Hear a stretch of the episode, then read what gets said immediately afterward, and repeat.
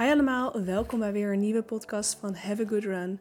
Ik ben Anne Merel en in een ander leven liep ik 12 marathons en schreef ik drie boeken over hardlopen. Inmiddels ben ik al bijna twee jaar moeder van een prachtige dochter en verwacht ik deze zomer ons tweede kindje. Maar ik kan echt niet wachten om marathon nummer 13 aan mijn lijstje toe te voegen. Naast me zit mijn man Tuur. Hij is al ruim 30 jaar hardlooptrainer en loopt zelf ook nog vrij hard. Deze winter bijvoorbeeld veroverde hij in New York het Nederlands record op de meld tijdens onze vakantie in New York. In deze podcast praten we hierbij over het laatste half jaar, beantwoorden we vragen die we via ons Instagram-account hebben binnengekregen en vertellen we meer over ons nieuwe hardloopprogramma dat over twee weken van start gaat. Zijn jullie er klaar voor?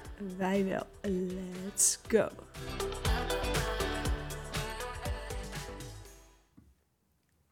Oké, in de laatste podcast uh, kondigde ik een hele nieuwe podcastserie aan waarbij we ons gingen focussen op mijn marathon nummer 13.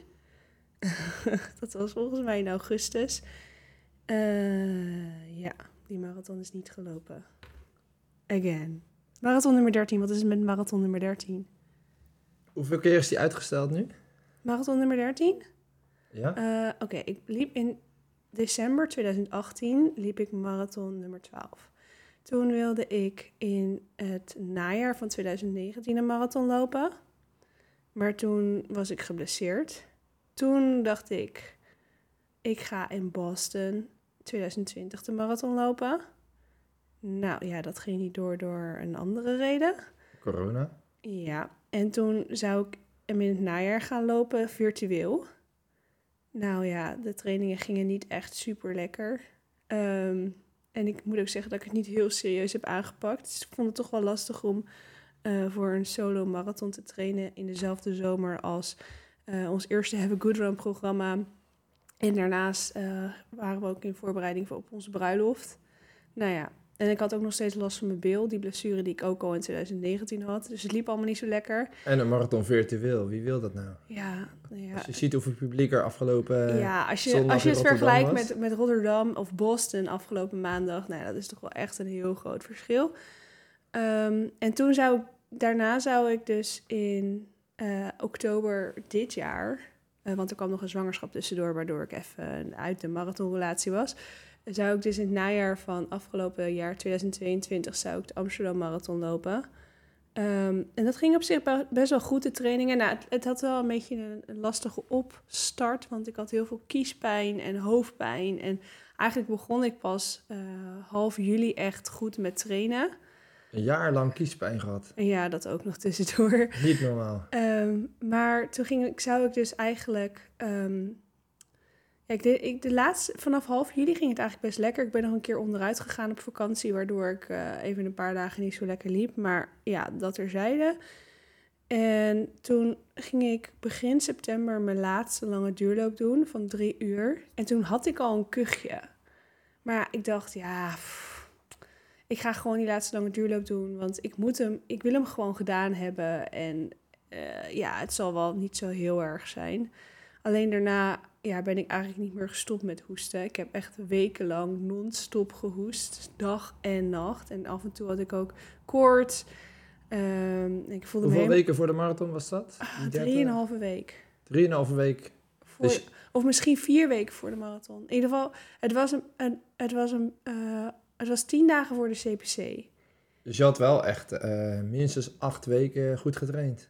Ja, ja, ja. Je was gewoon echt goed bezig. Ik had, er ook echt wel, ik had er ook echt net wel weer vertrouwen in. Maar eigenlijk denk ik, ben ik, kan ik mezelf voor mijn kop slaan. Want ik heb dit dus nog een keer eerder gehad. Vijf weken voor de Rotterdam Marathon in 2016. Toen ben ik ook met een kuchje uh, mijn laatste lang, of een van mijn laatste lange duurlopen gaan doen. En toen heb ik dus ook een luchtwegvirusinfectie gekregen. En toen heb ik ook een maand niet kunnen hardlopen door het hoesten. Um, sorry, en ik ben op dit moment... Weer verkouden? Weer aan het hoesten. Dit is al de derde keer in een half, iets meer dan een half jaar tijd dat ik um, gewoon dag en nacht aan het hoesten ben. En we wilden eigenlijk de podcast uitstellen met opnemen, maar uh, we gaan over een paar dagen op vakantie. Dus ik dacht, we moeten toch wel echt de podcast vandaag opnemen, want anders dan komt het er echt nooit van. Nee, dan moet je al die spullen meeslepen. Dat gaan we sowieso wel doen trouwens. Oh. Want we gaan ook nog een podcast op vakantie opnemen. Oh, dus we hadden het wel uit kunnen stellen. Eh, ja, maar dan hadden we... Nee, dat hadden we eigenlijk niet kunnen doen. Want eh, deze komt op maandag online. En we gaan op zondag rijden. Oh ja. Dus ja, dat zou wel heel krap geworden zijn. Maar goed.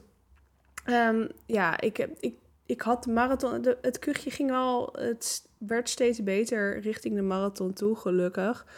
Maar toen een dag of vijf van tevoren dacht ik... Nou, ik ga het gewoon proberen. Toen had ik al een maand niet hard gelopen. Nou ja, je gaat natuurlijk eigenlijk ook geen marathon lopen... als je een maand niet hebt hard gelopen. Maar ik wilde eigenlijk gewoon van marathon nummer 13 af zijn. Dus ik dacht, ik ga het gewoon proberen.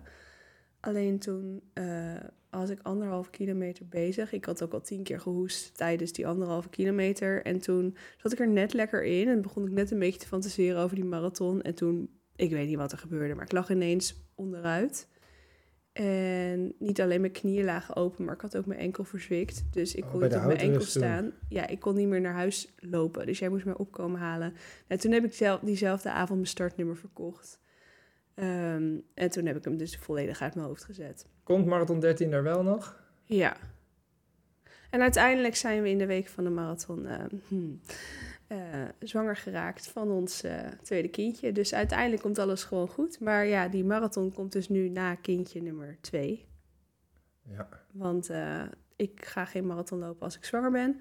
En ehm, ik ga ook wel echt na de bevalling het weer heel rustig opbouwen. Dus ik ga niet meteen vol in marathontraining. Dat wil ik mijn lichaam echt niet aandoen. Dus het wordt waarschijnlijk het najaar van 2024 of het voorjaar van 2025. Of het najaar van 2025 of het voorjaar van 2026. Maar hoe dan ook, hij komt er. Oké, ik moet weer kuchen, jongens. ja, nou goed, dit was dus mijn verhaal. Ehm, oh ja, over hoe, ik ging ook nog even wat vertellen over hoe ik dus nu met hardlopen bezig ben. Ik zit nu in het derde trimester, sinds een paar dagen. Ehm, en ik heb denk ik al drie maanden niet hard gelopen. In het eerste trimester kon ik sowieso niet zo heel goed lopen, omdat ik ehm, heel erg misselijk was en moe. En ik had heel weinig energie. Het het is echt anders om zwanger te zijn ehm, als je al een kindje hebt rondlopen. Want daar gaat ook natuurlijk energie naartoe. Dus je kunt niet al je energie voor het hardlopen sparen. Ehm, toen in het tweede trimester ging het eigenlijk best wel lekker. Het ging wel heel wat rustiger dan normaal. Maar ik had geen pijn aan mijn bek of mijn rug. Dus dat was wel super positief. Dus ik liep steeds rondjes van ja, drie, vier kilometer. En ik dacht, nou, als ik dat gewoon nog een, paar maanden vol kan houden, prima. Maar toen met 18 weken of 17 weken kreeg ik dus weer een luchtwegvirusinfectie. Toen heb ik weer drie weken lang gehoest. Heb ik weer drie weken niet kunnen trainen. En toen was uiteindelijk, was ik met 21 weken, toen ging het weer. Maar toen had ik wel, ja, ten eerste was mijn conditie nu echt compleet weg.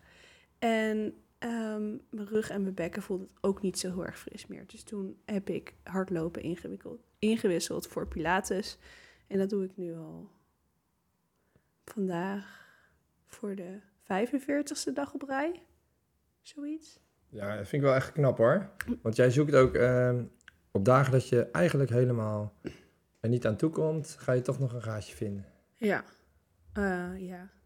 Ja, jij wil die streak volhouden. ja ik, Hoewel ik je heb- met hardlopen helemaal niet zo bent. Nee, omdat ik weet dat het niet heel erg gezond voor je lichaam is om iedere dag hard te lopen. En met Pilates is het zo. Ik kan ook een workout van 20 minuten doen. En dat is eigenlijk niet eens een workout. Dat is meer gewoon een stretch om mijn lichaam gewoon een beetje, een beetje wakker te schudden. Om, om, om mijn spieren te stretchen. En dat is juist super goed. Ook als je hoofdpijn hebt en ook als je je niet lekker voelt. Kijk, als ik natuurlijk met eh, 40 graden koorts op bed lig, dan zal ik wel een dagje overslaan. Maar dan kan je nog in- je bed jezelf uitstretchen. Ja, het moet wel echt een workout video zijn. Dus het mag niet zomaar eventjes wat oefeningen doen. Dat is wel mijn, eh, ja. Maar dus heb, bent eh, bij week 21, dus halverwege de zwangerschap ben jij dus nu gestopt Ja, met toen we- hardlopen. En hoe lang? nee, met 18, 17 of 18 weken. Oh, ik dacht jij net zei 21. Ja, nee, toen heb ik drie weken niet hard gelopen. En toen met 21 weken, toen ging het weer beter. En toen kon, lukte het niet meer. Oh, zo. Oh, je- sorry. En, Jongens. en hoe lang eh, was het? Oh. Kan dat? Dat gebeurt als menselijk. Ja, ik, eh, het is de baby, zegt mijn moeder de hele tijd. En, is je, en bij je eerste zwangerschap, hoe lang heb je toen nog kunnen hardlopen? Ehm, toen heb ik tot acht weken hard gelopen. Toen was ik echt misselijk. Toen met, toen ik met twaalf weken weer ging beginnen, toen ging ik meteen door mijn rug. Dus wat dat betreft is het positief. Dus toen heb je 30 weken bijna niet kunnen hardlopen. Nee, meer dan een jaar. Want daarna mag je ook niet hardlopen. Of kun je niet ja, hardlopen. precies. Ja, dus uiteindelijk... Ja, ik heb in ieder geval... Toen heb ik echt eh, ruim een jaar niet op een normale manier hard kunnen lopen. Maar ja, er zijn ook mensen die... Lopers die wel gewoon makkelijk door kunnen lopen. Die geen last hebben van een bekken en een rug.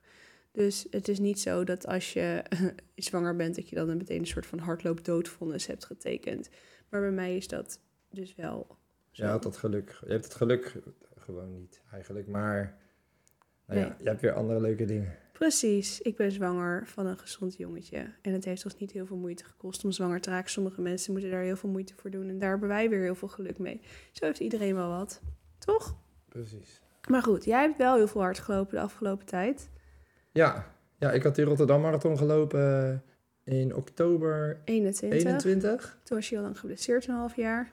Ja, toen heb ik inderdaad... ehm, toen heb ik wel echt goed rust gepakt. Ik heb wel echt twee weken bijna niet hard gelopen of niet hard gelopen. En toen, eh, bij mijn eerste snelheidstraining, ging het al mijn kuit in. Ja. Het was ook wel heel koud die dag. ja. En je had stil ook gestaan voordat je weer ging lopen. En toen ben ik ehm, steeds weer opnieuw begonnen. En toen ging steeds mijn kuit eh, Ja. eh, in de problemen. Toen het in mei wat warmer werd, ongeveer precies een jaar geleden, toen eh, Ging het ineens weer ging het lekker? ineens wel goed. En sinds mei dus... eh, dus ik ben alweer bijna een jaar lekker aan het trainen, ja. Ja, Ja. meestal 60 kilometer per week, toch? Verdeeld over vier Ja, trainingen. sinds, eh, sinds september eh, train ik vier keer per week en kom ik rond de 60, 62 kilometer. Ja. Ja.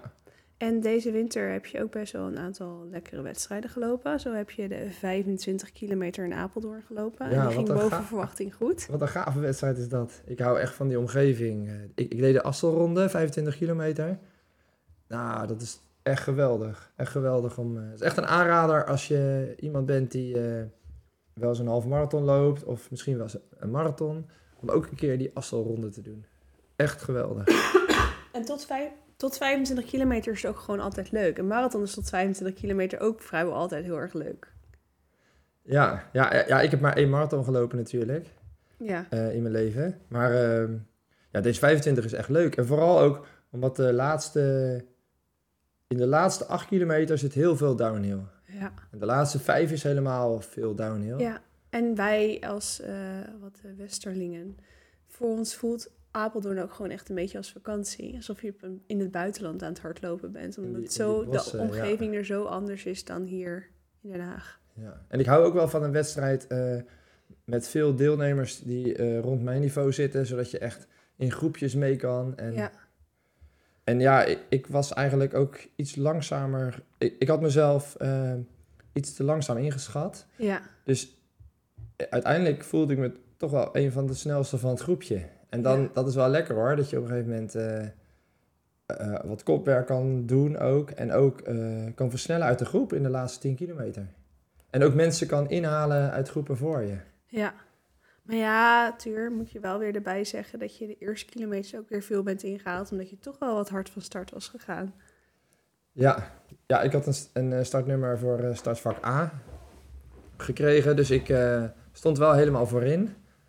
En ja, dan ga je toch wel snel mee in eh 328, 330 per kilometer. En dat is eigenlijk net, net te hard. Want ik had me, uiteindelijk kwam ik uit op gemiddeld 338. Dus ja, het kan wel. Het kan wel. Maar het mooiste is als je een lange afstand eh, doet. Een, eh, een halve of een tien dat je eigenlijk eh, de eerste twee, drie kilometer niet harder loopt dan wat je uiteindelijk denkt te kunnen lopen. Ja. Dan, dan voel je nog... En was dat nu het geval? Of? Nou, ik kon wel op tijd de rem erop gooien na twee kilometer. Ja. Dus die heb ik gedaan in Ja, februari. en toen liep je eind februari liep je de mijl in New York. Ja, dat was wel een overgang. Want ik dacht na die 25 kilometer, begin februari, dacht ik... Ik ga nu doortrainen naar de CPC. En dan eh, probeer ik daar eh 1.15, 1.16 te lopen. En toen kwam jij ineens van... Ja, wist je dat je precies als wij in New York zijn... heb je een wedstrijd van Track Smith in, eh, in die... eh, De Milrose, de, de, de hal waar ook de Milrose Games worden ja, gehouden, de de, Ar- Ar- Armory. Armory. Daar was dus een, eh een mijlrace, indoor. En ik dacht, ja, dan wil ik toch ook wel echt een keer lopen. Maar ik had natuurlijk he- helemaal niet getraind voor één mijl. Nee. Dus toen ben ik... Je hebt denk ik drie snelheidstrainingen gedaan, hooguit. ja, weet je, ik doe elke week wel wat 200'tjes.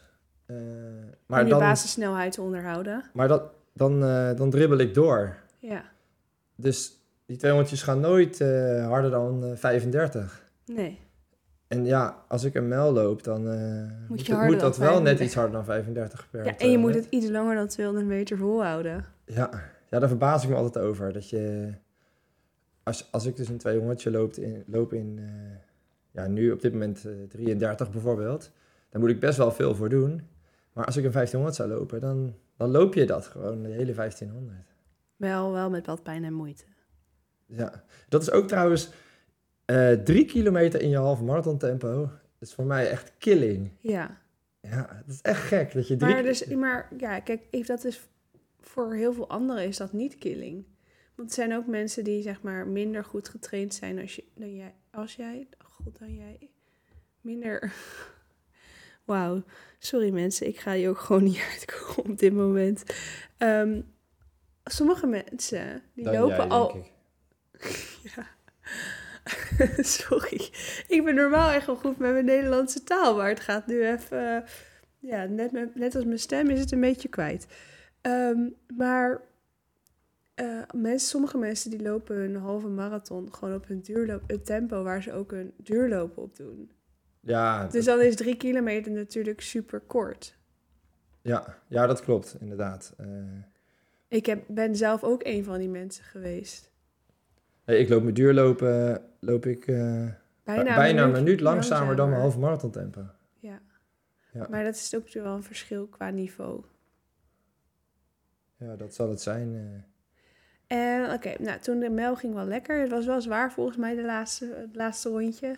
Ja, ehm, als jij goed getraind bent voor, eh, voor de 1500, dan eh, voelt dat tempo eh, nog wel ontspannen de eerste 800, 1000 meter. Voel je nog, kan je nog gewoon die ontspanning zoeken en vinden.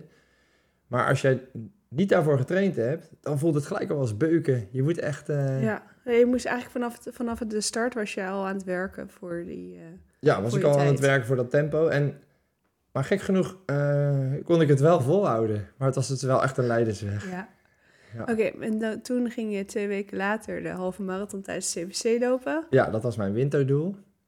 En die was ook wel echt geweldig. Ik Ja. eh, heb, ben de hele wedstrijd heb ik, heb ik me echt goed gevoeld. En trouwens, in september liep ik dus ook de CPC. Want hij was één keer toen eh, in het najaar. En toen dacht ik dat ik goed getraind was. Maar dat was nog helemaal niet zo.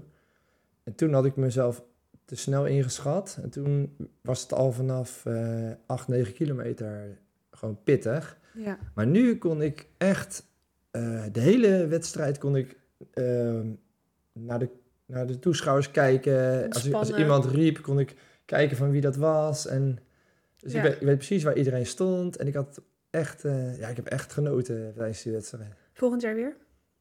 Ja, ja. ik denk niet, want we zijn dan op vakantie. oh ja.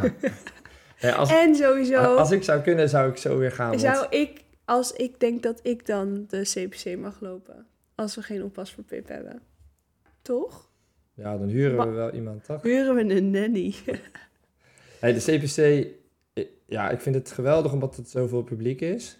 ja. Ik denk hetzelfde wat, wat de Rotterdam Marathon ook heeft. eh, zoveel publiek, zoveel herrie. Rotterdam Marathon is misschien nog wel meer herrie, dat denk ik wel. Dat Ja. weet ik nog wel. Maar zoveel publiek en ik ken gewoon de stad. Dus je, ja. ja. je weet precies waar je bent. En je hebt ook heel veel publiek dat jij kent. Want je werkt natuurlijk in de stad. Dus ja, heel veel van je collega's staan ook langs de kant. Maar ook heel veel ja, mensen die in hardlopen in de, in de hardloopwereld in Den Haag zitten. Die zie je of langs het parcours of op het parcours. Ja, ja. Ik heb ook als ik, eh, als ik fiets eh, eh, van mijn werk terug of naar mijn werk. En ik fiets dan ook wel vaak over het parcours. Mhm. En die laatste weken voor de wedstrijd, dan, dan denk je altijd van, oh, hier moet ik, ben ik daar en hier ben ik daar. Ja, Hier zit ik op 15 kilometer. Bij de Houtersbrug eh, is volgens mij 13. ja. ja, dan ben je het al aan het beleven, ja. Ik weet nog dat ik een paar dagen voor de CPC in, in de auto zat. En ik reed langs het Koerhuis. En dat is ongeveer 16 kilometer volgens mij tijdens de CPC. Ja, 16, 17. En er scheen een klein waterig 17, zonnetje. En ik dacht echt... Oh, ik wil ook de CPC lopen. En toen zat ik in de auto. Toen dacht ik, weet je wat? Ik ga gewoon 5 kilometer lopen. 5 kilometer, ja. Ik heb al een maand niet hard gelopen. Maar het moet vast wel lukken. Nou ja, toen kwam ik thuis, een kwartier later. En ehm, toen stapte ik uit mijn auto. En toen zakte ik al bijna door mijn rug heen. En toen, toen wandelde ik naar, naar ons appartement, 200 meter hooguit. Toen moest ik drie trappen op. Toen kwam ik boven en toen dacht ik... vijf kilometer, dat, nou, dat, dat gaat echt niet lukken nu. Het is wel jammer dat je conditie zo snel weggaat als je zwanger bent. Niet bij iedereen, maar ik merk wel dat ik ook gewoon moeite heb met ademhalen. Omdat de baby best wel wat ruimte in beslag neemt en mijn longen gewoon een beetje in de verdrukking komen. Maar goed, eh, na de CPC heb je ook nog een vijf kilometer gewonnen. Oh ja, gewonnen, ja. Ja, het was niet je allerbeste tijd, maar het was ook niet het allerbeste parcours. Maar je hebt wel gewonnen. Ja, ja dat was echt een eh, wedstrijd eh, ja, waar je niet echt voor een record kon gaan. Want Ja, er De- zat de- allemaal haakse bochten in en er zat een best wel lang viaduct eh, in. twee keer toch? En toen moest je naar beneden en toen moest je naar anderhalf kilometer om een pion Ja. tijdens een vijf kilometer wedstrijd. En dan moest je weer op, jezelf op gang trekken, moest je weer dat viaduct over. Dan moest je het viaduct afdalen met eh, slingers. En toen moest je onder, eh, door een tunnel. Het was je- eigenlijk een soort van wegcross. ja, ja, als je daar een PR eh, loopt, dan... Dan, dan is het tijd om een, eh, om een wedstrijd te doen op een beter parcours. Maar het was wel gewoon echt leuk om, eh, om bij Olympus, bij mijn eigen club, eh, een wedstrijd te winnen. Ja. Ja, dus dat was wel... ja, dat was gaaf. En heb je nog wedstrijdplannen voor de komende maanden? Die weet ik zelf Ja, dus mijn laatste wedstrijd was Oh ja, ik weet er één. eind maart, was mijn laatste wedstrijd. En op 18 mei, Is de Golden Ten loop in Delft. ja, dan doe ik de 10. Oké. 10 kilometer, ja. En daar ga je ook voor trainen. Daar ben je nu natuurlijk al voor aan het trainen. Maar Ja, het wordt weer tijd voor een 33er. een 33er, wauw. Ja. Misschien als het 33 wordt, kom ik wel kijken. Gaan we daarna naar de McDonald's? Net als vorig jaar? Toen liep ik. Toen was jij nog niet helemaal fit. Toen was je net weer lekker bezig. Toen Nee, je net uiteraard niet gaan we daarheen, tuurlijk. Oké, nou dan ga ik misschien wel mee. Maar het is wel echt weer precies tijdens Filippa's slaapje dat we dan weg moeten. Zo onhandig. Ja, dan kom Vorig jij later met de fiets. Met de fiets. Naar Delft. Met Pip naar Delft op de fiets. En dan ben ik 33 weken zwanger of zo. Ja, andersom kan ook. Doe wat, dat jij op de Dan ga ik fiets. op de fiets. Ja, Ja, maar oké. Ja, en dan moet de fiets achterin. we komen er wel uit. Want we moeten ook nog langs de McDonald's. Oh ja, ik kan niet met, door de McDrive met de fiets, hè? Nee, dat kan niet, nee. Nee, ja, nou, we moeten er maar even over nadenken. Dat is wel, maar dat is wel echt lastiger. Want vorig jaar deed ze twee slaapjes. Dus dan eentje aan het eind van de ochtend en eentje aan het eind van de middag. En nu gewoon alleen tussen de middag. En als een wedstrijd om drie uur 's middags begint. Maar slaapje is meestal van 1 tot 3. Ja, precies, als we daar al moeten zijn. Ja. Oké, nou dat is iets wat we buiten de podcast gaan bespreken en een oplossing voor gaan zoeken. Ehm, dat is de enige wedstrijd die je hebt staan.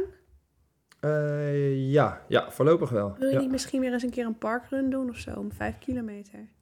Eh, nee, nee. Waarom ik vind niet? parkrun... ehm, Ik ben heel positief over parkrun, dus ik Ja. weet niet... Als jij het nu volledig gaat afkraken, haal je heel mijn verhaal onderuit. ah, ik... ehm, ja, je hebt, je hebt natuurlijk... Je had eh, corona solo Ja. loopjes. Dan liep je solo door het Zuiderpark. Eh heb ik twee keer gedaan. Ja, En dat is... eh, ja, ik vond het geweldig. Ik had een goede playlist. Jij zat op de fiets. Jij, eh, jij gaf het tempo aan van 320 per kilometer. En ik kon gewoon 10 kilometer lang met jou mee. dus dat was allemaal perfect. En als je dan solo liep ik 33,08. Ik dacht, wow, dit gaat lekker. Mijn vorm is goed. Ehm, dus voor jezelf is dat wel heel erg leuk.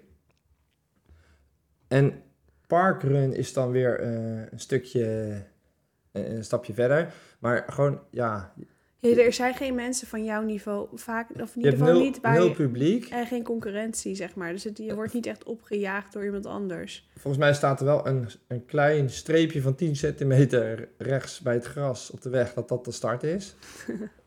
en ja, Ja, maar nee, want ehm, ik vind juist dus een parkrun fijn omdat het zo laagdrempelig is. En als je gewoon regelmatig je vorm wilt testen op de 5 kilometer. En het is gratis op zaterdagochtend. Het is drie kilometer hier van huis. is toch super makkelijk. En het is altijd een goed parcours, want je loopt twee keer hetzelfde rondje. Dus met wind eh, heb je eigenlijk, nou ja, je hebt evenveel wind mee als wind tegen. Je loopt op asfalt. ja, Dus Ja. het is eigenlijk wel het perfecte parcours voor een PR. Ja, inderdaad. Als je, Maar ik denk en dus als je ook nog eens met, een, met, eh, met, met een paar mensen erheen gaat, dan Ja. is het helemaal... eh, Ja, voor, maar ja, kijk, het is voor mensen die, die niet, eh, eh, weet ik veel, 15, 16 of de, op, de, op de 5 lopen, is er eigenlijk altijd wel iemand die voor je loopt, waardoor je toch wel weer een beetje ehm, ja, getriggerd wordt om harder te lopen. Nou, ik snap wel dat het voor jou dan minder is en als je voorop loopt, dat het dan... ja, ja, als ik het dan vergelijk met, de met de Golden Ten... eh, ja, oké, de Golden Ten. Maar dat wauw, weet je hoeveel publiek er dan in de stad staat? En, eh, ja, maar de Golden Ten is wel een minder goed parcours. ja, dat wel, ja. En het leuke van parkrun vind ik ook dat je het iedere week kan doen. En weet je, bij de Golden Tank kan het ineens 30 graden zijn. En dat kan ook op een dag dat het een parkrun is. Maar dan ga je gewoon de week erna lopen. Niemand die, geen haan die erom kraait. Want je hoeft je niet in te schrijven. Je gaat daar gewoon naartoe, je loopt. En dan, Ja, het heeft allemaal wel iets. Ja. dat vind ik zo fijn van parkrun. En het hele goede parcours. Ja, eh, als ik fit zou zijn, zou ik het wel weten. Anyway. Dan zou jij zaterdag gelijk de parkrun doen. Eh, ja, misschien wel. Ehm, laten we het gaan hebben over de nieuwe editie van Have a Good Run. Want we beginnen op 8 mei aan alweer de tiende editie. Kun je je nog herinneren, drie jaar geleden? Toen... Wauw. Is het precies we- drie jaar geleden dat je begon? Nee, Eh, eind mei denk ik, hè? We zijn toen begin juni begonnen. Toen op mijn verjaardag, 12 mei, hebben we toen het programma gelanceerd. En toen dacht ik echt, oh mijn god, ik hoop zo dat mensen dit niet een heel dom plan vinden. Dat er mensen zijn die zich überhaupt aanmelden. Ik weet nog dat ik zei, we gaan pas door als er 100 mensen zijn die meedoen. Toen hadden we op dezelfde dag, op, om 7 uur s avonds, hadden we al 100 inschrijvingen. En uiteindelijk hadden we meer dan 550 inschrijvingen. Echt bizar veel. Nu hebben we er eh, helaas wel iets minder.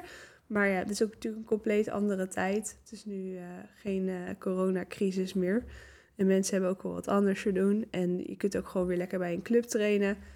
Ehm, maar het is nog steeds iedere keer wel weer heel gezellig. En nog genoeg deelnemers om het, ehm, ja, om het vol te kunnen houden, zeg maar. Ja. ja, want het is wel... eh, Het gaat wel, ja, er zit eigenlijk evenveel tijd in als je 500 mensen hebt dan als je 100 mensen hebt. ik vond met die Rotterdam Marathon... s- we hadden natuurlijk ontzettend veel mensen die de Rotterdam Marathon liepen. hè. En die sfeer en hoe die mensen ook met elkaar... eh, Elkaar aanmoedigden in de app en zo. Ja, want we hadden, ehm, dat gaan we nu, dat nu niet doen. Dat gaan we, want we hebben nu andere programma's. Daar ga ik het zo over hebben. Maar ehm, in het najaar hebben we wel weer marathongroepen. Die gaan in juli van start naar verschillende marathons, onder andere Berlijn en Amsterdam. Ehm, en ik denk ook een groep richting de halve marathon van Amsterdam. Want ik merk nu al op Instagram dat er heel veel mensen de halve in Amsterdam willen gaan lopen in het najaar. Het is natuurlijk ook wel superleuk als je daar al vanaf half juli voor kan trainen. En dan ook in een groep zit met andere mensen die daar ook voor trainen. Dan krijg je natuurlijk wel heel veel motivatie door. Ja, want eh 10 mei had jij het over of 8 mei? 8 mei. Nou ja, Ach. 7 mei krijgt iedereen de eerste informatie. En op 8 mei is dan de maandag en dan gaat het echt van start, zeg maar. En dan eh, trainen de mensen acht, we- acht weken lang. En ehm, dan kunnen ze dus kiezen uit een uithoudingsvermogenschema of een snelheidsschema. Ja, ze hebben een er zijn vijf schema's. Ehm, we hebben Need for Speed. Ehm, dat is vooral gericht op je basissnelheid. Belangrijk dat je al 10 kilometer kunt hardlopen. Acht weken lang. Acht weken lang. En dat is ehm, de ideale periode eigenlijk om eh, zo'n soort schema te volgen. Omdat er heel veel ja, lokale wedstrijdjes zijn eh, over 5 en 10 kilometer. Daarnaast door de warmte ehm, heb je minder... Nee, de warmte, we hopen dat die nog komt. Op het moment van eh, opnemen is het 11 graden. De warmte die eh, eh, zorgt ervoor dat je minder snel geblesseerd raakt. Ja, het is niet meer onder 10 graden waarschijnlijk. Nee, ja, waardoor je mei, spieren, ja, waardoor je, als je heel koud, als het heel koud is, dan is de kans op spierschade wel wat groter. Je hebt natuurlijk altijd spierschade na het lopen, maar na Alles is koude wat soepeler, trainingen is het nog iets groter. En ook nat water he- helpt daar ook niet echt heel erg goed bij. Ehm, en waarom is het nog meer handig om... Ja, ook omdat er... Ja, in de zomer ga je waarschijnlijk geen halve of hele marathon lopen. Omdat het vaak wat warmer is. Wil je juist niet een hele lange afstand lopen. Toch? Ja, Dan dat- Ja. ja, als, het, als, je op, als het 30 graden is, ga je geen marathon of halve marathon lopen. Ehm, en in je pauzes kan je, kan je ook echt wandelen eh, zonder af te koelen. Hè? Ja, want als je normaal, als je weet ik veel, eh 10 keer eh 200 doet, dan ja, in de, in de winter dribbel je door, omdat je niet helemaal wil afkoelen. En als je in de zomer, Wat meer snelheid wil pakken. Ja, Als je echt wat sneller wil worden, dan is wandelen wel handig. ja, en dan kun je dan die snelheid die je dan in dit schema opdoet, kun je dan natuurlijk weer meenemen naar je marathon of je halve marathon. Of gewoon eh, je 5 of 10 kilometer in het najaar. Ehm, dus dat schema hebben we. Niet voor speed. En dan hebben we ook endurance. En dat is... ehm, ja, dat is met wat langere tempo's. Dus eh, als je een halve of hele marathon wil lopen in het najaar... en eigenlijk niet zo zit te wachten op eh, korte intervaltrainingen... Omdat je denkt dat je snelheid eh, wel toch wel goed genoeg is Ja. voor goede halve Ja, of omdat je heel blessuregevoelig bent. Hè? Als jij weet van jezelf, eh, ja, van 200 krijg ik altijd blessures. Dan is het misschien niet slim om zo'n schema te doen. Ik weet vorig jaar, toen ik net weer begon met hardlopen, toen wilde ik ook geen 200 doen, omdat mijn bekkenbodem het echt al niet aankon. Oké. dus Iemand heeft een blessure. ik, hoop, ik hoop dat het eh, meevalt. Ehm, ja, want ik kom, ik, 200 waren voor mij vlak na, toen ik net weer begon met lopen. Dat was echt te zwaar voor mijn bekkenbodem. Had ik wel last van urineverlies. Dat, eh, dus die deed ik toen helemaal niet. Dus in zo'n situatie zou ik zeker kiezen voor het endurance schema. Daar, daar, daar train je ook je basissnelheid mee, maar gewoon iets minder en iets meer op uithoudingsvermogen. Ehm, ook trouwens goed om te zeggen, bij Need for Speed zit wel gewoon iedere week een wat langere training. Zodat het ook gewoon aansluit op een marathonprogramma die begin juli van start gaan. Dus Dus acht weken eh, een kort schema. En ja. daarna eh, kun je kiezen voor marathonschema's en halve marathonschema's. Eh, en ook weer korte schema's. Want eh, ja, de, de het halve marathonschema voor Amsterdam en de marathonschema's die gaan in juli van start. En de andere schema, onder andere Zevenheuvelenloop, gaat eind augustus van start. Ehm, goed. En Ja, dan- daar, want daar had je wel wat mensen voor die dat wilden gaan doen, toch? Ja, Zevenheuvelenloop was vorig jaar samen met halve marathon Amsterdam en hele marathon Amsterdam het meest populaire schema. Ehm, en dan hebben we ook nog een chronisch tijdgebrekschema. De meeste trainingen zijn 35 minuten. Eén training in de week is iets langer. Ehm, voor mensen die chronisch tijdgebrek hebben, zijn we dat niet allemaal eigenlijk. Maar, Maar wel dan gewoon wel hele leuke varia- gevarieerde trainingen. En je kunt er ook gewoon, je, je traint gewoon naar een 5 of 10 kilometer. En mocht je ehm, toch iets langer willen lopen, dan kun je in het weekend gewoon je langere duurloop doen. Dan mag je toch langer dan 35 minuten. Je mag altijd langer dan 35 minuten, maar als je geen tijd hebt, dan is 35 minuten het minimum, toch? Ja. ja. Oké, ik ga weer even hoesten. Allemaal je oren dicht. Ehm, en dan hebben we nog opbouwen 5 kilometer. Voor als je eh, verantwoord wil opbouwen eh, richting 5 kilometer. Of je nu voor het eerst gaat hardlopen. Of dat je juist terugkomt na een lange blessure of een zwangerschap. Het schema zou ik zelf ook volgen, weer na mijn zwangerschap. En dan opbouwen naar 10 kilometer. Als je 5 kilometer kunt lopen, maar eigenlijk gewoon een keer die 10 wil aantikken. Of al heel lang geen, eh, niet langer dan 4, 5 kilometer gelopen hebt. Dan zou ik voor dat schema kiezen. En het is ook gewoon een super gevarieerde manier van lopen. Dus het is niet saai dat je ehm, ja, echt met minuutjes opbouwen en zo die vijf, de, richting de 10 kilometer. Dus ook wel echt met verschillende tempo's. En na acht weken kan je dan 5 kilometer lopen. Ja, maar dat is wel gewoon allemaal op hetzelfde tempo. Want gewoon een easy duurlooptempo. En 10 kilometer is op verschillende tempo's. En dat is 10 kilometer kun je dan na 8 weken lopen. Haveagoodrun.nl Nee, have a good. Ja, wauw. dit is al drie jaar ons... eh, gaat goed, Tuur. We zien wel wie de schema's maakt en wie de rest van de administratie doet. Ja, ik ben nooit op de website geweest. Nee? Alleen Nou, via een linkje op Instagram of zo. Ja. Goed. Ehm, komende twee weken, daar zijn we vandaag mee begonnen, ehm, is er een eh, gratis schema op Instagram.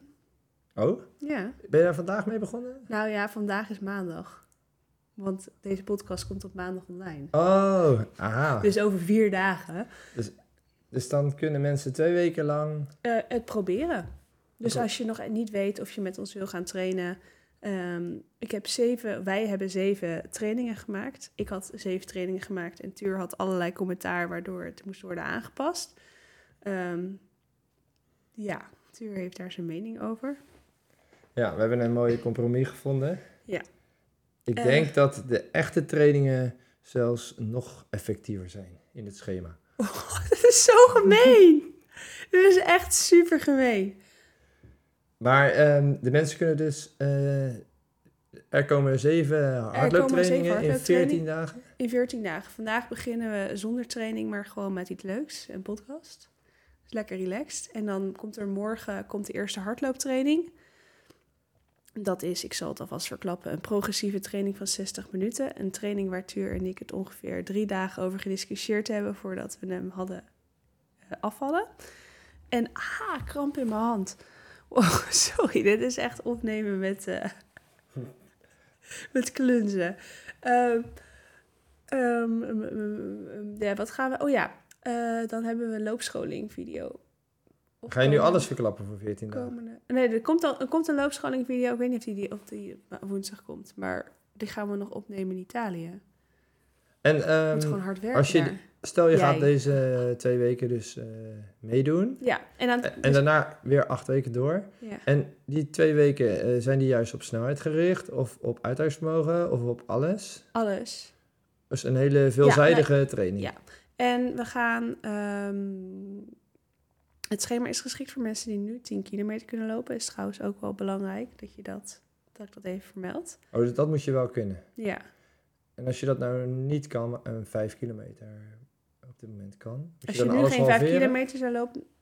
Als je nog geen 5 kilometer kan lopen, zou, zou, zou, zou halveren denk ik zelfs niet eens werken. Nee, als je nu vijf kilometer kan lopen. Dan, ehm, ja, dan zou ik het halveren. Of nee, ik zou gewoon bijvoorbeeld... Misschien kan je dat erbij schrijven tijdens Ja, een... je hebt maar een aantal tekens dat je mag doen in je Instagram-post. Oh. Maar ehm, ja, ik zou gewoon...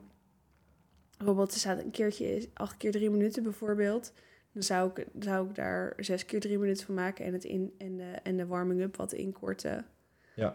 Eh, en bij de progressieve training, die is 60 minuten, dan zou ik misschien de laatste blokjes gewoon helemaal niet doen, maar wel de eerste blokjes. Ja, ja Ehm, precies. En we bepalen onze trainingstempo's aan de hand van een calculator. En die calculator vind je eh, via onze website haveagood.run slash pages slash calculator. Ik ga het nog een keer herhalen. haveagood.run slash pages slash calculator. En dat staat ook gewoon in de Instagram post. Ehm, dus als je het nu niet hebt opgeschreven of hebt onthouden, dan kun je dat ook in de Instagram post vinden. Volgens mij staat die in de Instagram post van ehm, 23 april, maar ook in die van morgen, de link. En dan gaan we afsluiten op vijf, eh, met een 5 kilometer wedstrijdje op zaterdag 6 mei. Ehm, individueel gewoon. Ehm, en dan wilde ik juist de parkrun aanraden. maar ja, die ging jij even Ah, ja. helemaal afkraken. Geweldig verhaal, Tuur. Hm. Eh, maar er zijn twaalf verschillende locaties. Oh, om je beginniveau... eh, Ja, om je beginniveau te bepalen. ja, ja, er, zijn, er zijn twaalf verschillende locaties in Nederland. En iedere zaterdagochtend om 9 uur eh, worden die wedstrijden dus georganiseerd. En in Den Haag is die in het Zuiderpark. Het zijn twee rondjes. Super snel, super vlak. Naast de Halo, hè? Ja, ideaal om je tempo te testen. Ehm, maar je kunt natuurlijk ook gewoon solo lopen, die 5 kilometer. Of je gaat gewoon een andere wedstrijd doen. Eh, maar dat is handig, want dan kun je daarna bepalen van... eh, ja, dit is mijn niveau. En als je dan aan het trainingsschema zou willen beginnen... Dan, dan weet je in ieder geval met welke tempo's je kan werken. Want dan kun je die 5 kilometer tijd in de calculator gooien. En dan Dan komt daar je duurlooptempo uit. Je duurlooptempo, maar ook je 10 kilometer tempo, je marathontempo. Al je tempo's komen daar gewoon uitrollen. Ja. Goed, ehm, genoeg promo over ons programma. Eh, we hebben ook nog een aantal vragen gekregen die we willen beantwoorden. Ben benieuwd. Ja, de eerste vraag is: hoe kun je het beste je bekkenbodem trainen postpartum voor het hardlopen? Wow. ja, dat is niet een vraag voor Tuur, denk ik. Ah, gelukkig. Neem ik een slokje thee. Neem jij een slokje thee? Ja, ik heb eh, zelf een programma gevolgd van Sterker. En dat is niet specifiek voor hardlopen.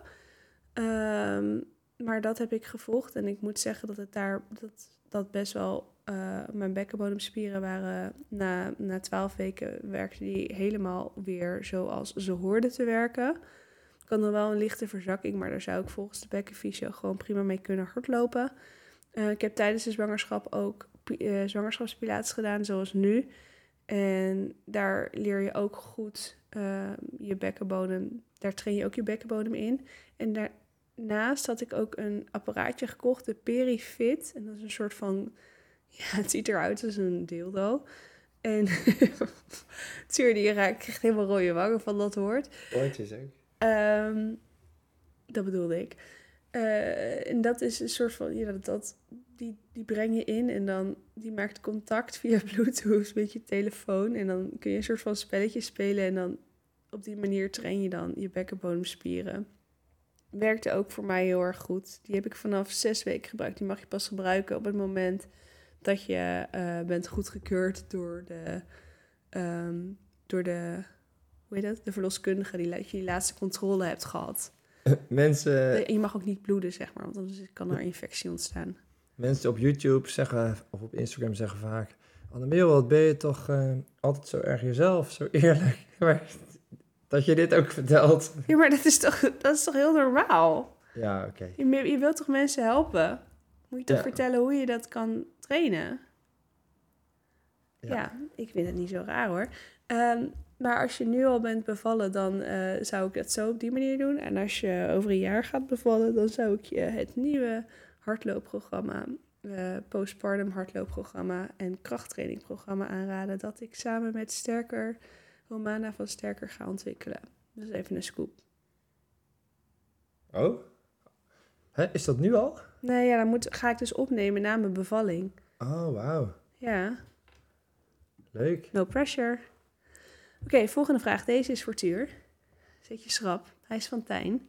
Tuur, heb je zaterdag 9 september al wat te doen? Ik zie je graag bij de toprun 5 kilometer in Varsenveld. Oké, dat is ver weg volgens mij. Ja, we zijn dan in Italië, lieverd. Dus we hebben al wat te doen. Oh, want het is- Toch? dat voor mij is dat wel echt een hele leuke wedstrijd. Het is wel een leuke... we- Ja, Want dat is vijf rondjes van een kilometer. ja maar we- de, de dag daarna worden we al verwacht in Italië. Hebben we al geboekt. Is het op de route naar Italië? Weet ik niet. Misschien wel. Kunnen we overnachting eh, daar doen. Ja, ik denk het niet. Ik denk dat ik dan al wel iets verder weg onderweg wil zijn. Ja, het klinkt wel heel leuk. Oké, we houden hem open. Sarah vraagt: Wanneer weet je, weet je, voel je wanneer je weer klaar bent om op te bouwen na een shinsplintsblessure? Dat is lastig.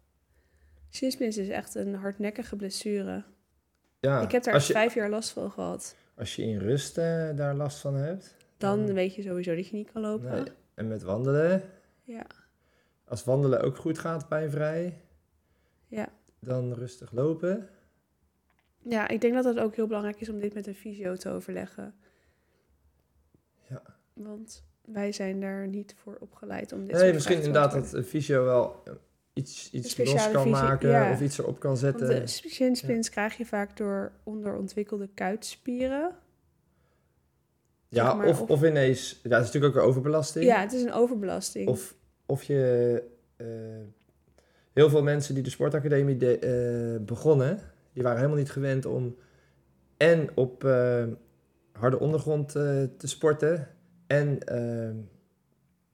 ineens keihard op die reuterplank te springen en van alles intensief te doen. Gewoon ja, overbelasting. het is gewoon overbelasting. Verschillende ondergrond, dat, dat soort dingen. Ja. Of oude schoenen. Ja, en het is vooral belangrijk dat als je weer begint met lopen, dat je het ook heel rustig opbouwt. Dat je niet gewoon eh, weer gaat lopen waar je denkt dat je gebleven bent, zeg maar. Als je vijf kilometer kon lopen voordat je shinsplints kreeg, dat je dan gelijk de eerste training weer vijf kilometer gaat lopen. Nee, en ook eh, natuurlijk hoe harder je loopt, hoe groter de klappen Ja, eh, op, je- op je onderbenen natuurlijk. Hè? Op je lichaamsgewicht. je lichaamsgewicht komt gewoon nog harder aan, hè? ja. Op de grond. Oké, vraag van Ingrid. Wat eten jullie op een dag als je regelmatig hard loopt? Op Ja. een wedstrijddag? Of gewoon een dag. Ja, Tuur eet, begint altijd de dag. Ik ga jouw dag vertellen. Tuur begint de dag met een eh, krentenbol En, en, een een koffie. koffie. Dan eet hij twee wraps met ei en avocado. Dan gaat hij naar school en weet ik niet wat hij eet. Ik doe ook nog spinazie in een Oh, blender. eh, spinazie in een blender met een beetje eh, verse jus en eh, banaan en blauwe bes. Maken we nog even een gezond groentesapje van. Dan fiets ik naar mijn werk. En wat doe je dan?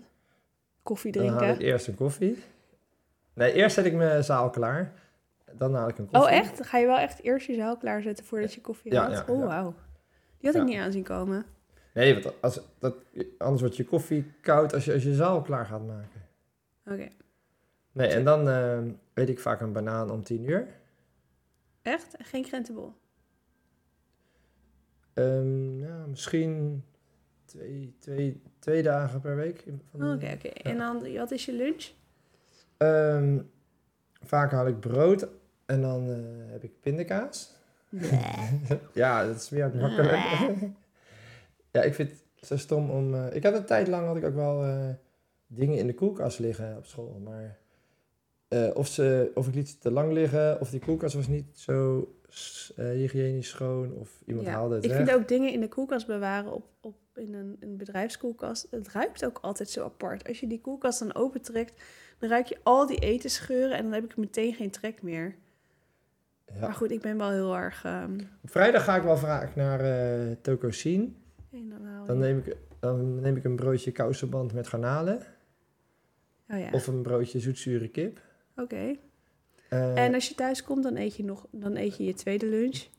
Als ik thuis kom, dan eh Eet je vaak nog twee boterhammen en een krentenbol. ja, ligt eraan wat voor werkdag ik heb. Want op vrijdag ben ik echt pas kwart over zes thuis. Dan heb jij al altijd wel vaak lekker gekookt al. Ja. Dat is echt... eh, Een tuur die eet meestal voor twee. Dus ik maak dan risotto voor eh 3,5 porties rijst. Gebruik ik. Nou, dat is een half portie voor Pip, één portie voor mij en twee porties voor Tuur. Maar ja, de overal conclusie is eigenlijk dat eh, mijn eh, ontbijt vrij omvangrijk is. Ja, Daarna vervolgens is, is eigenlijk de hele dag eet ik niet superveel. Ja, een banaantje tussendoor. en of, eh, krentenbollen. één krentenbolletje tussendoor, Eén soms maar? twee. Waarom gaan er dan drie bakken krentenbollen per week doorheen? 18 Ja, krentenbollen. die eet ik altijd thuis. Of, of eh, als ik thuis kom, ehm, bijvoorbeeld op dinsdag kan ik wel wat vroeger thuiskomen. Dus dan kan ik wel echt om vijf uur Dinsdag? al hardlopen. Ja. Dus dan eet ik wel eh, kwart voor vijf als ik thuis ben snel een krentenbol voor, voor de training. Ja. Dat dus om even wat te eten voor de Ja. training. Of op zaterdag, dan eh, als ik dan bijvoorbeeld om 12 uur tussen de middag als Pippa slaapt eh, wil gaan hardlopen, dan neem ik nog snel een krentenbol voor de training. Nou, als ik veel hard loop, En daarna, na die training, eet ik ontzettend veel pannenkoeken altijd. ja, ga je dat vandaag weer doen? Na die training. Ja. Dan moet ik wel eerst beslag halen. Oh, dat doe maar niet dan, want dan gaan we het denk ik wel eten op een gegeven moment. Ehm, wat ik wilde zeggen. Ik weet niet meer wat ik wilde zeggen. Ja, ik wil ook nog vertellen wat ik altijd eet als ik wel veel train. Maar ik eet nu eigenlijk ook bijna hetzelfde als dat ik wel veel train. Omdat ik zwanger ben, dus ook een soort van training. Ik begin de dag met Hetzelfde als ik, behalve de krentenbol. Ja. Twee wraps met ei en avocado. En dan rond 10 uur eet ik meestal iets wat we hebben liggen. Soms is het, zijn het eh, rijstwafels met paprikapoeder. En een andere keer is het chocola. Dat is het voordeel van... eh, Thuis zijn. Altijd lekker Ja. eten. Ja. Gewoon kiezen. Want als je naar je werk gaat, dan... Ja, je neemt een banaan mee. Dat, dat is het dan. Of het is een nadeel, want Het- jij eet gezond. Aan de andere kant, er is zo vaak taart op mijn werk. Oh, hou op. Ik mag vandaag geen taart. Ehm, want morgen moet ik een glucosetest doen. Ik weet niet of het ermee te maken heeft, maar ehm, ik probeer vandaag gezond te eten. Anyway, lunch is meestal ehm, drie boterhammen met hutekezen of met mozzarella en tomaat. En dan na de lunch eet ik vaak weer gewoon een snack. Rond drie uur, vier uur. Maar het ligt er een beetje van wat er in huis is. Soms is dat eh rijstwafels, soms is dat taart, soms is dat chocola, soms is dat chips. Hmm. Ehm, en dan avondeten en dan wat minder dan het uur. Maar als ik echt goed in training ben, dan eet ik ook wel meer dan één portie. En dan s'avonds eet ik vaak veel chocola. En als ik dat niet wil, dan ga ik mijn tanden poetsen. Want dan kan ik geen chocola meer eten. En ik eet ook nog wel yoghurt en kwark iedere dag. Met eiwitten. Extra veel eiwitten. Jij neemt dat altijd voor het slapen gaan, toch? Ja, zeker als het er is. Aan het begin van de week wel. En daarna is, gaat het vaak wat op.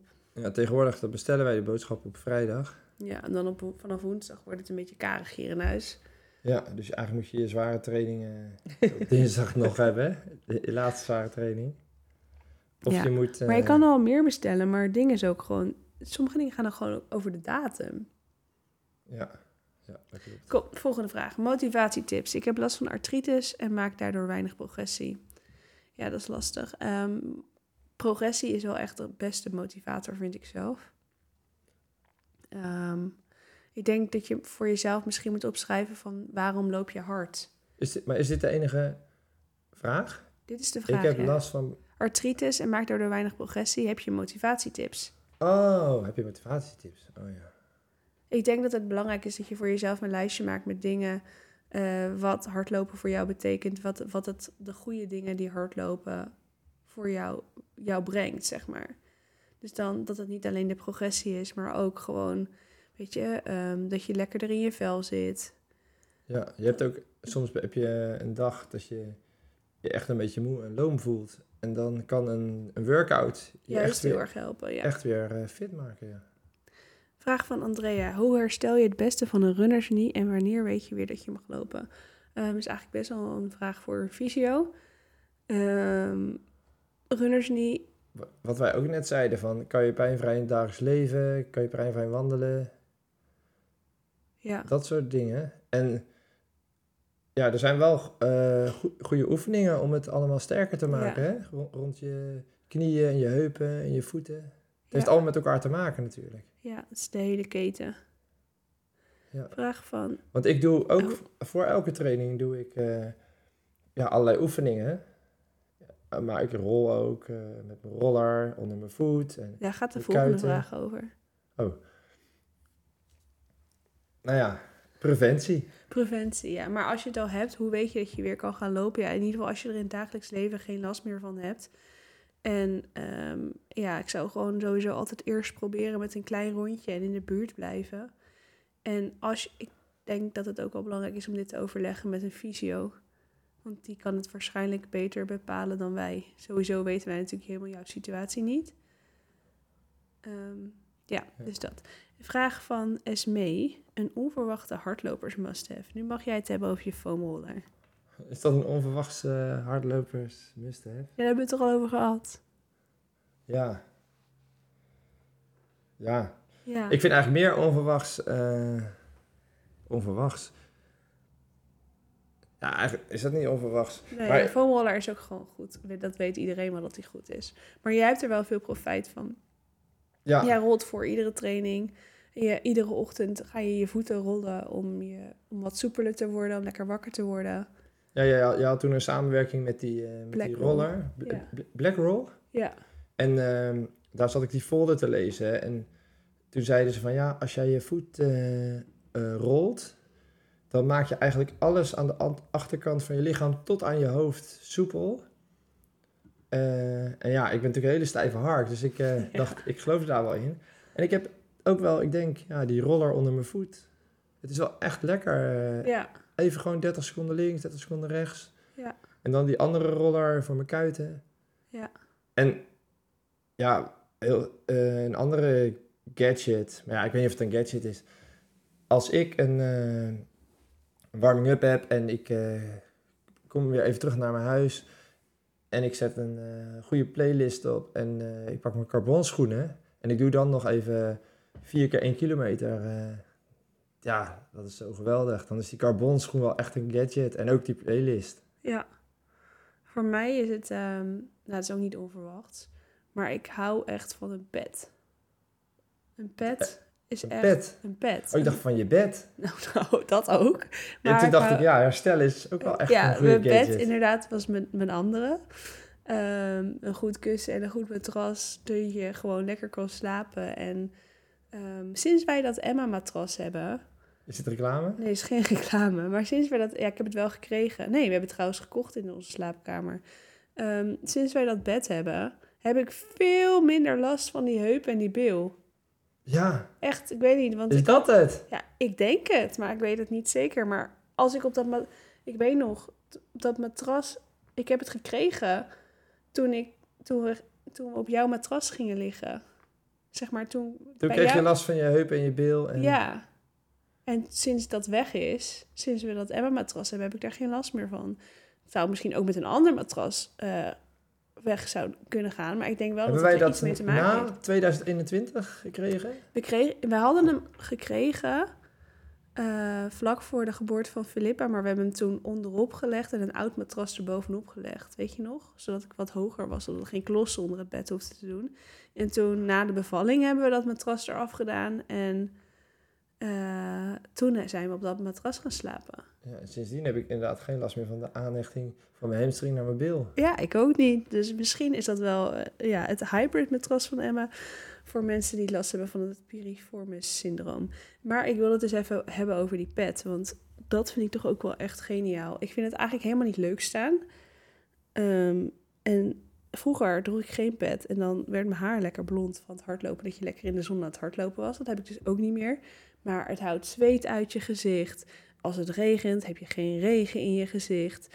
Ehm, je kunt je haar zo, in, zo- onder in zo'n staart en dat, dat gleufje duwen, zeg maar. En dan als je het dan oprolt tot een knot, dan zit het heel stevig en dan krijg je geen glit in je haar. Super fijn.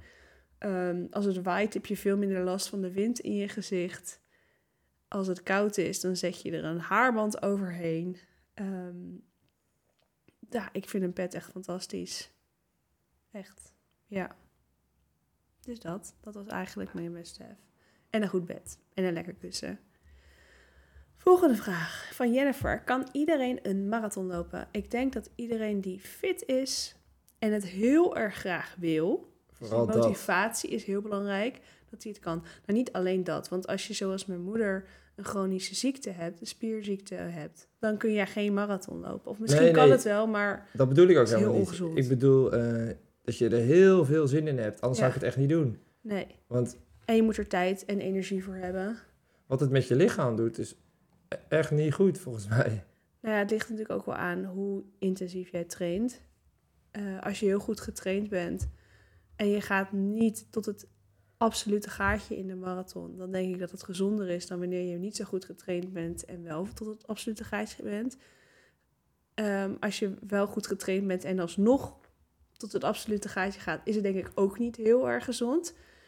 Ehm, maar ik denk dat de marathonafstand, als je niet echt alles van je lichaam vraagt, dat het best wel oké is.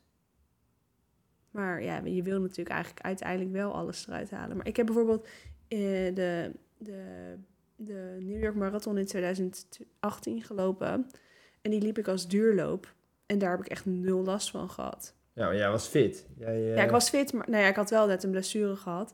Maar ja, ik kon jij ook- had die, die, die hele zomer, als jij geleefd Ja, maar dan nog. weet. Het, Ja. Als je hem dus als een duurloop loopt, dan is het natuurlijk heel anders dan wanneer jij echt volledig op je snelheid gaat. Oké, ik moet weer hoesten. Ja. ja, dat verschil is ook zo klein, hè. Een, een, een marathon lopen op je allermax of een klein stukje langzamer Ja, dan je allermax. Weet je hoe relaxed dat is? ja. Ik had dat bij de CPC. Ik dacht dat ik goed getraind was in september, maar was ik helemaal niet. Ik was te hard gestart. Na acht kilometer ging ik best wel stuk. Ik dacht, nee, ik ga echt niet meer dit eh volhouden. 3,35 per kilometer tempo ga ik echt niet meer volhouden. ik beslis nu, ik ga hem uitlopen op eh 350 tempo. Nou, Toen was het weet je leuk. hoe relaxed dat is? Ja. Het is maar 15 seconden per kilometer eh, langzamer, maar je voelt je dan zo'n stuk beter. Ja. Oké, deze vraag is van Annemijn. Wanneer ben je klaar om te trainen voor een eerste marathon? Nou, ik denk dat het belangrijk is dat je eerst een paar halve marathons hebt gelopen. En ehm, ja, het moet ook echt wel in je leven passen. Want als jij eh, nu al chronisch tijdgebrek hebt, dan denk ik dat trainen voor een marathon best wel een uitdaging gaat worden. Het is ook een kwestie van prioriteitsstelling. Ik denk dat je als je het heel graag wil, dat het makkelijker is om prioriteiten te stellen dan wanneer je het gewoon een keer gedaan wil hebben. Ik moet weer hoesten. Ik vind het zo irritant. Sorry mensen. Ja, en ik denk ook dat je wel eh, heel erg kan genieten van, van een snelle 5 kilometer, een snelle 10. Ja, Tenminste, ik, ik wel. ja. Ik, ehm, ja, ik heb één keer een marathon gedaan. Ik vond de trainingen ook zelfs leuk. Ik vond het echt leuk om... eh, bijvoorbeeld een best pittige training die ik gedaan heb... was eh 20 kilometer easy. En daarna 10 kilometer op mijn marathontempo. ja. Dat is pittig, maar ik vond dat wel leuk om even het gas erop te gooien, nog Ja. 10 kilometer. Ehm, voor dat zou ik het zo weer doen. Maar ja. Weet je, als je, het, als je een marathon wil lopen, wil je het ook gelijk wel eh, go- goed doen, goed, aan, goed ervoor trainen, goed aan de start staan. Ja. Dat is gewoon echt je, belangrijk wat gewoon, jij je zegt. hebt er gewoon echt tijd voor nodig. En ook niet alleen tijd om te lopen, maar ook tijd om ervan te kunnen herstellen. En ik weet niet of het in de newborn fase nou echt super slim is om te trainen voor een marathon. Jij, jij bedoelt herstellen van je trainingen Ja. omdat je geen goede nachten maakt bijvoorbeeld. Ja, je moet ook goed, je moet wel gewoon acht uur per nacht minstens kunnen slapen, denk ik. Of zeven. Ja. Nou ja, voor mij is acht echt wel het minimum. Voor, om, om me echt fit te kunnen voelen, zeg maar.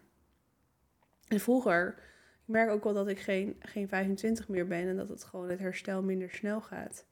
En vroeger kon Als ik... je zeven, zeven uur echt door kan slapen, is het ja, goed. ja, ik. misschien wel, maar dat kan me niet herinneren wanneer ik dat voor het laatst gedaan heb. In ieder geval nooit meer dan drie dagen achter elkaar goed slapen. Gewoon sporadisch een keer een goede nacht, maar Ja. niet gewoon consistent je- goed slapen. Dat je Garmin Body Battery weer 100 is. Nou, dat heb ik echt nog dat is echt al meer dan een half jaar geleden dat ik dat gezien heb. Ja, ik zei dat pas tegen iemand van, eh, van joh, het is wel echt lang geleden dat mijn Body Battery 100 is geweest. En die persoon zei, hè, dat heb ik elke dag nog. Hoe dan? Had hij wel kinderen? Nee, Oh, oké, ja, Nee. dat verklaart. Wie was dat? eh, Sebastian. Oh ja, ja. Ja. Nou ja, ehm dit Dat- hoort erbij. Ja, dan zorgt hij gewoon goed voor zichzelf. Ja, maar Wat- ik had het vroeger ook, voordat ik kinderen had, had sliep ik ook gewoon goed. En had ik ook gewoon een opgeladen batterij. Nu eh, had ik vanmorgen 41. Ja, en geen koffie meer na vier uur middags, toch? Of wel? Nee, dat doe ik nooit. Nee. Oké, nog een vraag van Annemijn. Komen er nog leuke truien van Have a Good Run? Eh, misschien dat ik die in het najaar weer ga maken. Eh, het ding is wel dat ze zijn allemaal wat duurder geworden. Ehm, de, de drukkerij is duurder geworden. Eh, de truien zelf zijn duurder geworden. Ehm, dus als ik zeg maar, ja, ik wil ze natuurlijk niet te duur aanbieden. Ehm, maar dus dat vind ik wel lastig. Misschien een keer een enquête houden hoeveel mensen er wel werkelijk in, ge- in geïnteresseerd zijn. Of Ja. kun, ja, ja, Ja, want al hoe meer mensen eh, het kopen, hoe lager de prijzen wel zijn. Zeg maar voor drukken. Als je natuurlijk 10 truien bedrukt, kost het meer dan wanneer je eh 50 tot 100 truien bedrukt. En dan de allerlaatste vraag, die is voor mij. Eh, is van Robin. Ga je de opbouw na je zwangerschap anders aanpakken dan de eerste keer? En ik denk het niet. mag ik raden? Ik denk het niet. Ik denk dat je het wel goed hebt gedaan. Goed zo, ja, dat denk ik ook eigenlijk wel, ja. Ik heb, ja, ik Je hebt heb- er echt lang voor uitgetrokken, want Pippa werd 18 juni eh, eh, geboren. Ja, En volgens mij in december waren wij bij de fysio. En toen eh, zei jij van nou, ik, ik train al soms 5 kilometer. En in januari zat je volgens mij aan 10 soms. En de fysiotherapeut die zei, joh, dat is wel... eh, eh, ja, ik weet niet of dat lukt, weet je wel. En Ja. in maart liep je toch al wel een halve marathon. Dat Ja. is allemaal wel... Nou, ik moet zeggen, ik heb het, ik heb dus eerst heb ik het eh, drie maanden heb ik niet hard gelopen. Toen heb ik wel, ik heb vanaf dag één eigenlijk, nou ja, dag twee eigenlijk, heb ik het programma van Sterker gevolgd. Eerst is dat voornamelijk mobiliteit. Ehm, en daarna komt daar ook kracht bij kijken. Vanaf dag... Dag, nou ja, de dag na de bevalling ben ik ademhalingsoefeningen en mobiliteitsoefeningen gaan doen. Die kun je gewoon liggend in bed doen, dus dat kost niet heel veel moeite. Eh, ja, dat ben ik eigenlijk dus. Dus vanaf- dat programma kan al na twee dagen starten. Nee, je kunt het ook dezelfde dag doen, maar ik was pas om zeven uur s'avonds bevallen. En ik had een nogal, nogal een druk programma die dag met een bevalling van 24 uur. Dus die dag kwam ik er even niet meer aan toe. Maar ehm, ja, je kunt eigenlijk direct met dat programma starten. Dus, dus dat is super fijn. Ik vond het ook heel fijn dat ik er meteen aan, aan kon beginnen. Dat ik iets had, iets van hou vast. Ehm, en toen met 12 weken, toen ben ik het op gaan bouwen. Wat ik misschien wel anders zou doen, is ik begon toen met 15 seconden Hardlopen. hardlopen. Oh ja, dat was in eh, Italië. in Italië, september, inderdaad. ja. Ja. Ik denk dat ik nu misschien wel een minuutje achter elkaar zou hardlopen in plaats van 15 Je ging seconden. ook best wel hard. Nee, ik ging niet hard. Nee, ik heb die beelden teruggezien. Het leek wel alsof ik op eierschalen liep. Ik was echt bang dat van alles zou breken daar beneden. Oh, ik dacht dat het wel heel hard uitzag. Nee, het zag er niet hard uit. Het zag er ook echt uit alsof ik... Ik, ik heb laatst die beelden weer teruggezien. Het was heel raar. ik heb dat ehm, gefilmd, ja. Maar ehm, ik ga denk ik nu wel met een minuutje beginnen in plaats van 15 seconden. Want wat ik dus wel gemerkt heb, is dat afremmen en weer opstarten, dat dat ook wel ehm, Zeker druk weten. op je bekkenbodem zet. Dus Ja. 15 seconden, dan ben je eigenlijk meer aan het afremmen en aan het opstarten dan eh, dat je echt aan het lopen bent. Dus ik denk dat ik eerder nog iets rustiger zou lopen en dan ehm, iets langere stukjes mee begin. Ja, dat eigenlijk, denk ik. Ik denk, eh, maar ik denk dat het verder heb ik het vorige keer ook heel rustig aangepakt. Ik weet, na vijf maanden werd ik weer ongesteld. En ik merkte dat ik vanaf dat moment echt lekkerder weer kon opbouwen. Dat ik minder last had van mijn rug. Want ik heb wel last van mijn rug gekregen toen ik weer ging opbouwen. Maar heeft denk ik niet met hardlopen te maken gehad. Gewoon, het schoot er gewoon in. Ehm, gewoon een combinatie van eh, omstandigheden. Ehm, ja, dat kan gewoon altijd gebeuren. En, maar ik merkte dat ik vanaf, ja, vanaf na, vijf maanden na de geboorte, dat het eigenlijk wel veel makkelijker ging. Omdat ik weer ongesteld was geworden en dat het, ik mijn conditie weer een beetje terugkreeg. En toen heb ik, denk ik, vijf en een halve maand na de bevalling mijn eerste vijf kilometer gelopen. Gewoon rustig, gewoon in een training. Ja, dus dat. En verder ehm, zijn we denk ik nu aan het einde gekomen van de podcast. We zijn al ruim een uur bezig. Ik weet niet hoe vaak ik in jullie oren heb gehoest. En ik weet ook niet of jullie er veel last van hebben gehad. Ik hoop het niet. Je gaat niet knippen, denk ik, of wel? Eh, nee. Nee. Nee. Nee, hoeft ook niet. Nee. Ik hoop dat eh, de, de, dit keer het luchtwegvirusinfectie iets minder lang blijft hangen. Want mijn bekkenbodem vindt het niet heel erg chill, moet ik zeggen. Ehm, en ik vind het ook wel vervelend dat ik niet zo lekker door kan slapen. Want het is vooral s'nachts een dingetje. Maar goed, laten we de podcast positief op, eh, afsluiten en niet weer over mijn gehoest praten. Heb jij nog iets dat je wil zeggen? Eh, ja, ik ga denk ik meedoen met het eh, niet, niet voor speed plan. Ja. Ja, want ik wil... ik eh, heb gewoon in de winter goed geïnvesteerd in uithoudingsvermogen met eh, halve marathon en 25 kilometer wedstrijden. En trainingen die daarbij aansluiten. Ja, en nu wil ik eh, het liefst mijn snelheid weer terug. Ik wil weer in 33 gaan lopen op de 10. Ja. En eh, richting de 16, 16 laag, de 5. Ja. Ik weet niet of ik ooit nog eronder loop. Tijdens corona liep ik 15,55 solo. Ja. Maar En- misschien als iemand je wil hazen eh, tijdens een parkrun. Het is toch een perfect Yes. parcours? Yes, dat wel, ja. ja, ja. Ja, ik eh, zeg, eh, ik kom wel aanmoedigen. ja. Weet je wat het... eh, ik, eh, het voordeel van weinig wedstrijden doen... vind ik wel weer dat je lekker door kan trainen in de, Ja, in, eh, in de weekenden. Want ik train dan... eh, ik, heb, ik heb gewoon... Ik maak tijd voor vier trainingen per week. ja, En waarvan ik er twee in het weekend doe. ja. Hoewel ja, als je, stel je doet inderdaad een, eh, een, een parkrun op zaterdagochtend, dan kan je zondag nog wel een duurloop doen. Heb Ja. je alsnog twee, eh, ja. En dan doe je op dinsdag, de zaterdag of donderdag gewoon je, je snelheidsprikkel. Ja. En dan op, Ja. di- de- op dinsdag kun je nog gewoon een progressieve training doen of een threshold training. Ja. Ik zie geen probleem hoor. Nee, het past wel allemaal goed. Ja, Ja. nou, ik heb je helemaal fan gemaakt van Parkrun. Ja, je hebt me nog niet helemaal tuk hoor. Oh, oh, oké. Nou, anyway. Ehm, ja, ik had ik ook wel echt denk van een schema, want dat merk ik zelf ook met mijn Pilates schema. Doordat ik ervoor betaald heb, eh, doe ik het ook echt. Als ik zeg maar een video van YouTube voelt veel vrijblijvender dan een programma waar ik geld voor heb uitgegeven. Ja. Dus dat is wel, mensen vragen wat maakt jullie programma anders? Nou, het is natuurlijk niet dat alleen dat je er iets voor betaalt, maar het is wel een soort van commitment die je voor jezelf hebt, zeg maar. Ja, je hebt En- een eh, contract. Ja. En het zijn natuurlijk gewoon echt super geweldig leuke schema's. Die Ja. Tuur maakt. Ik vind het echt, ik vind het, jouw, jouw Ik vind- schema is altijd wel goed. Ah, dank je.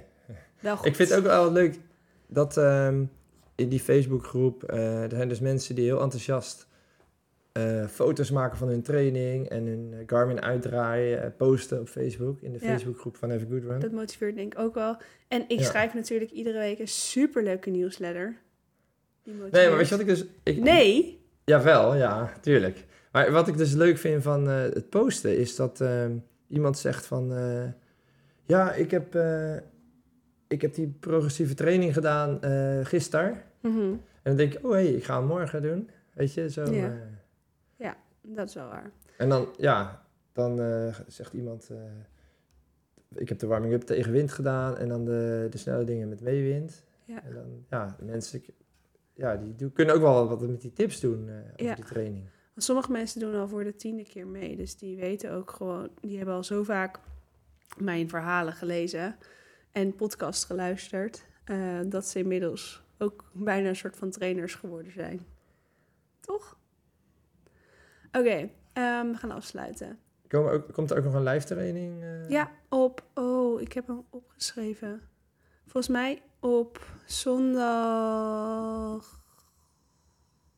4 juni. In het midden van het land. Oh nee, ja, tuur. Is er dan een wedstrijd die je wil lopen? Het is geen Pinkster, het is geen hemelvaart. Nee, nee. We hebben geen bruiloft. nee. Ik weet niet wat ik... eh, Is er iets op kijken. 4 juni? heb je Eh, een feest voor mij georganiseerd? Ik heb 3 juni misschien een feestje. Eh, Oké. of misschien heb jij wel een vrijgezellenfeest van iemand? Nee. Nee? 4 juni is ook trouwens de Royal 10. Als ik stel ik heb niks op zaterdag, dan zou Ja, maar ik heb hem al, 10 kunnen mensen die hebben al ingeschreven met de wetenschap dat 4 juni dit is. Oh? Misschien dat ik het beter met jou kunnen over. Heb jij, er is toch geen baby shower voor mij georganiseerd op 4 juni, hè? Nee, dat niet. Nee. Ach, Nee, nee, nee, nee, nee. ik hou niet van verrassingen, mensen. Er wordt sowieso niks georganiseerd, toch? Ik weet niet, maar jouw broer, broertje gaat toch trouwen? Ja, Misschien is er wel een... eh, nee, dat is in mei en ik, ik oh, heb oké. daar nog niks van gehoord. Ja. Maar, Tuur, er is toch geen baby shower georganiseerd? Nee, er is geen baby shower. Oh, Nee, gelukkig. Nee, nee. Jij zat laatst zo geheimzinnig te appen met Laura dat ik dacht... Nee, dat ging over ehm, dat jij bij haar mag, mag komen overnachten. Oh, oh ja. Omdat jij zo nodig op kamp moet. Anyway, ehm, laten we nu echt gaan afsluiten. Yes. Dankjewel voor het luisteren. Ik ga zo even trainen. Ja, heb je daar nog tijd voor? Ik hoop het. Ik ga, ga het maken. Oké. Ja. Moet ik dan op jouw papa dag zorgen voor eh, je dochter? Ja, ik heb nu een uur met jou gepraat voor jouw programma. Ons programma. Ja, dat zeg je altijd. Is toch zo? Ja. Is toch van ons? Ja. Anyway, ehm, fijne dag, fijne training, fijne waar- je dan ook naar luistert. Als je de afwas aan het... Ik luister trouwens altijd podcast als ik de was aan het doen ben of als ik aan het opruimen ben. Ja, weet je, weet jij nog een leuke podcast eh, die je kan uploaden voor ehm, eh, als ik naar Italië ga rijden? Want ik merk dat ik, eh, als ik naar een Maar. Pippa houdt niet van podcasts. Nee, ik kan toch met mijn oortjes als jullie Oh, ja. twee slapen? Nou ja, ik vind het zelfs podcast altijd heel leuk om te luisteren. Ja, ook vind ik dat ook leuk? Volgens mij heb je er wel eens naar geluisterd. Ik Oké, als je een bepaalde afleveringen hebt eh, die ik dan Maar je kan... kunt het niet downloaden, want ze staan alleen maar op Podimo, dus een betaald platform. Oh, oké. Ik betaal daarvoor. Dus je mag gewoon met mijn account. Ja, wat ik merk, dat vind ik ook wel eh, grappig aan een podcast. Ik heb dus eh, bepaalde stukken in Duitsland eh, gereden tijdens een vakantie. En steeds denk ik dan weer aan die podcast. Oh ja. Eh, Er was eentje van de Pacer met, met Van de Weide, die? ja, ja, die ja. Toen stonden we in de file. ja. Maar ik kwam er wel doorheen, door die file. En ik merk dat ik met een podcast autorijden wel echt eh, de tijd echt zo sneller snel gaat. Maar ik heb dat ook met, met opruimen, want iedere vrijdag dan gaat Pip naar het kinderdagverblijf. En dan ehm, ga ik eerst als jullie de deur uit zijn. Het eerste wat ik doe is de vaatwasser uitruimen. En dan ga ik de was doen, dan ga ik dingen opvouwen. En dan totdat die podcast is afgelopen, want op vrijdag komt altijd een nieuwe zelfs podcast. Als die podcast is afgelopen, dan ga ik eh, douchen en aan het werk. Dus dat doe ik iedere vrijdag. En dan heb, kan ik lekker beginnen met werken in een opgeruimd huis. En ik heb niet het idee dat ik aan het opruimen ben, want ik ben naar die podcast aan het luisteren. Ja. ja, dat heb ik ook met mijn gymzaal. eh. Luister je dan ook naar een podcast? S- soms wel, ja. ja. Er staat heel mijn gymzaal vol met spullen. Dat is best wel pittig. Al die banken versjouwen, maar ook eh, dikke mat en alles. Anyway, gaan we nu echt afsluiten? Ja. Oké, dankjewel voor het luisteren en have a good run. Geniet van het hardlopen. Have a good run.